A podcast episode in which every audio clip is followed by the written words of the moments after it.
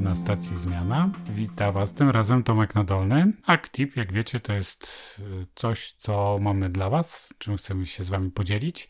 Coś, co nam, nie wiem, ułatwia życie albo zmienia życie i to jest takim naszym sposobem. Dzisiaj będzie książka. Będzie książka, o której przypomniał mi wczoraj na Facebooku kolega.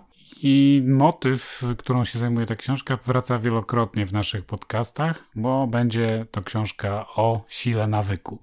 Nie wiem, czy wiecie, ale 5 lat temu Charles Duhigg, tak to się chyba czyta, wydał książkę The Power of Habit i ona stała się w ogóle niesamowitym bestsellerem, bo przez kilkadziesiąt tygodni była na liście, na, na samym szczycie listy bestsellerów, została przetłumaczona na wiele języków, między innymi widziałem, że pojawiła się, chyba w zeszłym roku pojawiła się w PWN-ie w wersji polskiej, ja ją czytałem już z dwa lata temu w wersji angielskiej i ona bardzo mocno wpłynęła też na moje zapatrywanie na wiele rzeczy.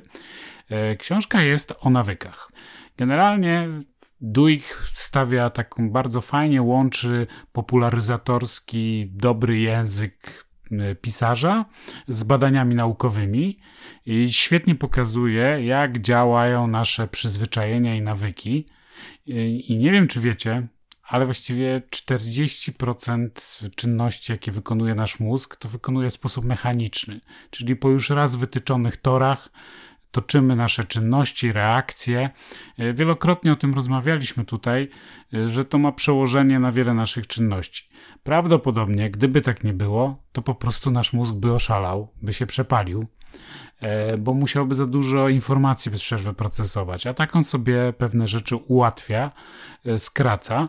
Problem jest wtedy, kiedy nawyki są, kiedy nawyki są dla nas szkodliwe czyli przestają nam pasować albo nam coś psują w życiu i możemy wtedy spróbować jakoś na nie wpłynąć. On pokazuje, że my chodzimy w takiej pewnej pętli, w której e, działa pewna rutyna, e, którą pobudza pewien bodziec, i ten bodziec stale uruchamia pewną pętlę reakcji.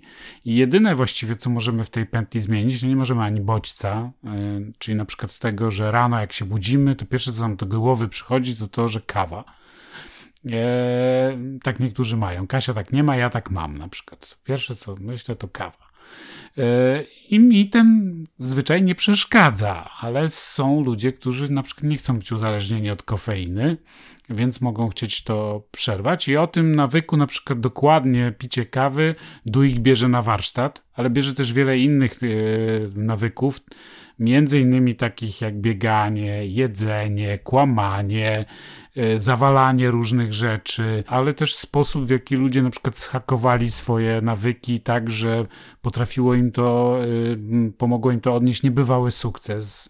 Takie rzeczy przeczytacie też w tej książce. Bardzo namawiam. On też bardzo praktycznie podchodzi do tego. Znajdziecie tam bardzo dużo praktycznej pomocy w tym, jak to robić. Jedna rzecz jest taka każdy z tych przyzwyczajeń jest inny.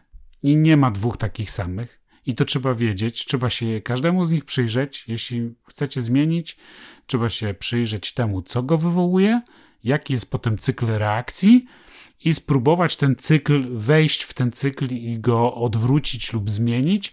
Yy, może zmienić okoliczności czasami, w jakich to występuje, a może sposób, w jaki reagujemy na, na dany impuls. E, więc nie ma dwóch takich samych nawyków. To jest pierwsza nauczka. E, I druga jest taka, że jednak możemy bardzo dużo i że o wiele lepiej nam idzie, kiedy coś sobie sami założymy jako wyzwanie, niż jak nam ktoś coś każe. E, także lepiej uczcie swoje dzieci, żeby same sobie znajdowały wyzwania, niż im nakazujcie zdobywanie dobrych ocen. E, bo to o wiele lepiej działa. No i on, to, on naprawdę widać, że facet jest kompletnie otrzaskany z najnowszymi badaniami na temat ludzkiego i mózgu, i behawioryzmu, i tego, jak działa nasz e, i społeczeństwo, i nasz organizm, i jak działa cała chemia naszego organizmu. Genialnie to sprzedaje w takiej książce. To jest naprawdę dobra książka. Ja powiem, jeśli myślę, że jeśli PWN wydało ją w wersji polskiej, nie czytałem tej polskiej wersji, myślę, że to jest solidnie zrobione E, dobrze przetłumaczone, bo oni z tego słyną, że oni to dobrze robią w, i edytorsko to pewnie jest dobrze wydane. E, bardzo polecam. Przyglądnijcie się własnym nawykom. Bardzo zmieniając nawyki przez kilka tygodni, nawet rzeczy, które nam się wydawało, że nigdy nie zmienimy, mogą zupełnie zmienić nasze życie. I jeśli myślicie, że to, to tak nie działa, to ja jestem żywym, chodzącym przykładem tego, że można.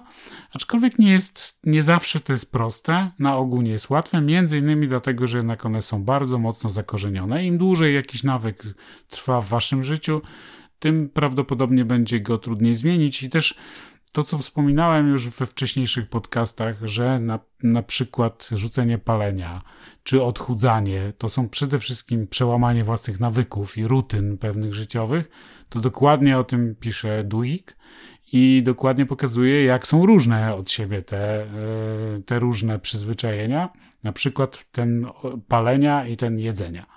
E, choć wydawałoby się, że one są dość podobne. Stąd też zupełnie inaczej trzeba się zabrać do załatwiania z nimi, robienia z nimi porządków. To tyle. Link do książki oczywiście do wydania i angielskiego i polskiego znajdziecie w notatkach. E, polecam, jeśli ktoś czytał, to powiedzcie, co się wam najbardziej podobało, bo jest tam dużo fajnych rzeczy i o Starbucksie, i o pastach do zębów, i o chyba Susan miała na imię babeczka, która e, niebywały sukces odniosła. E, to powiedzcie, który fragment się wam najbardziej podobał. Ciekawe, czy to są te same, na które ja zwróciłem uwagę. Dzięki, na razie.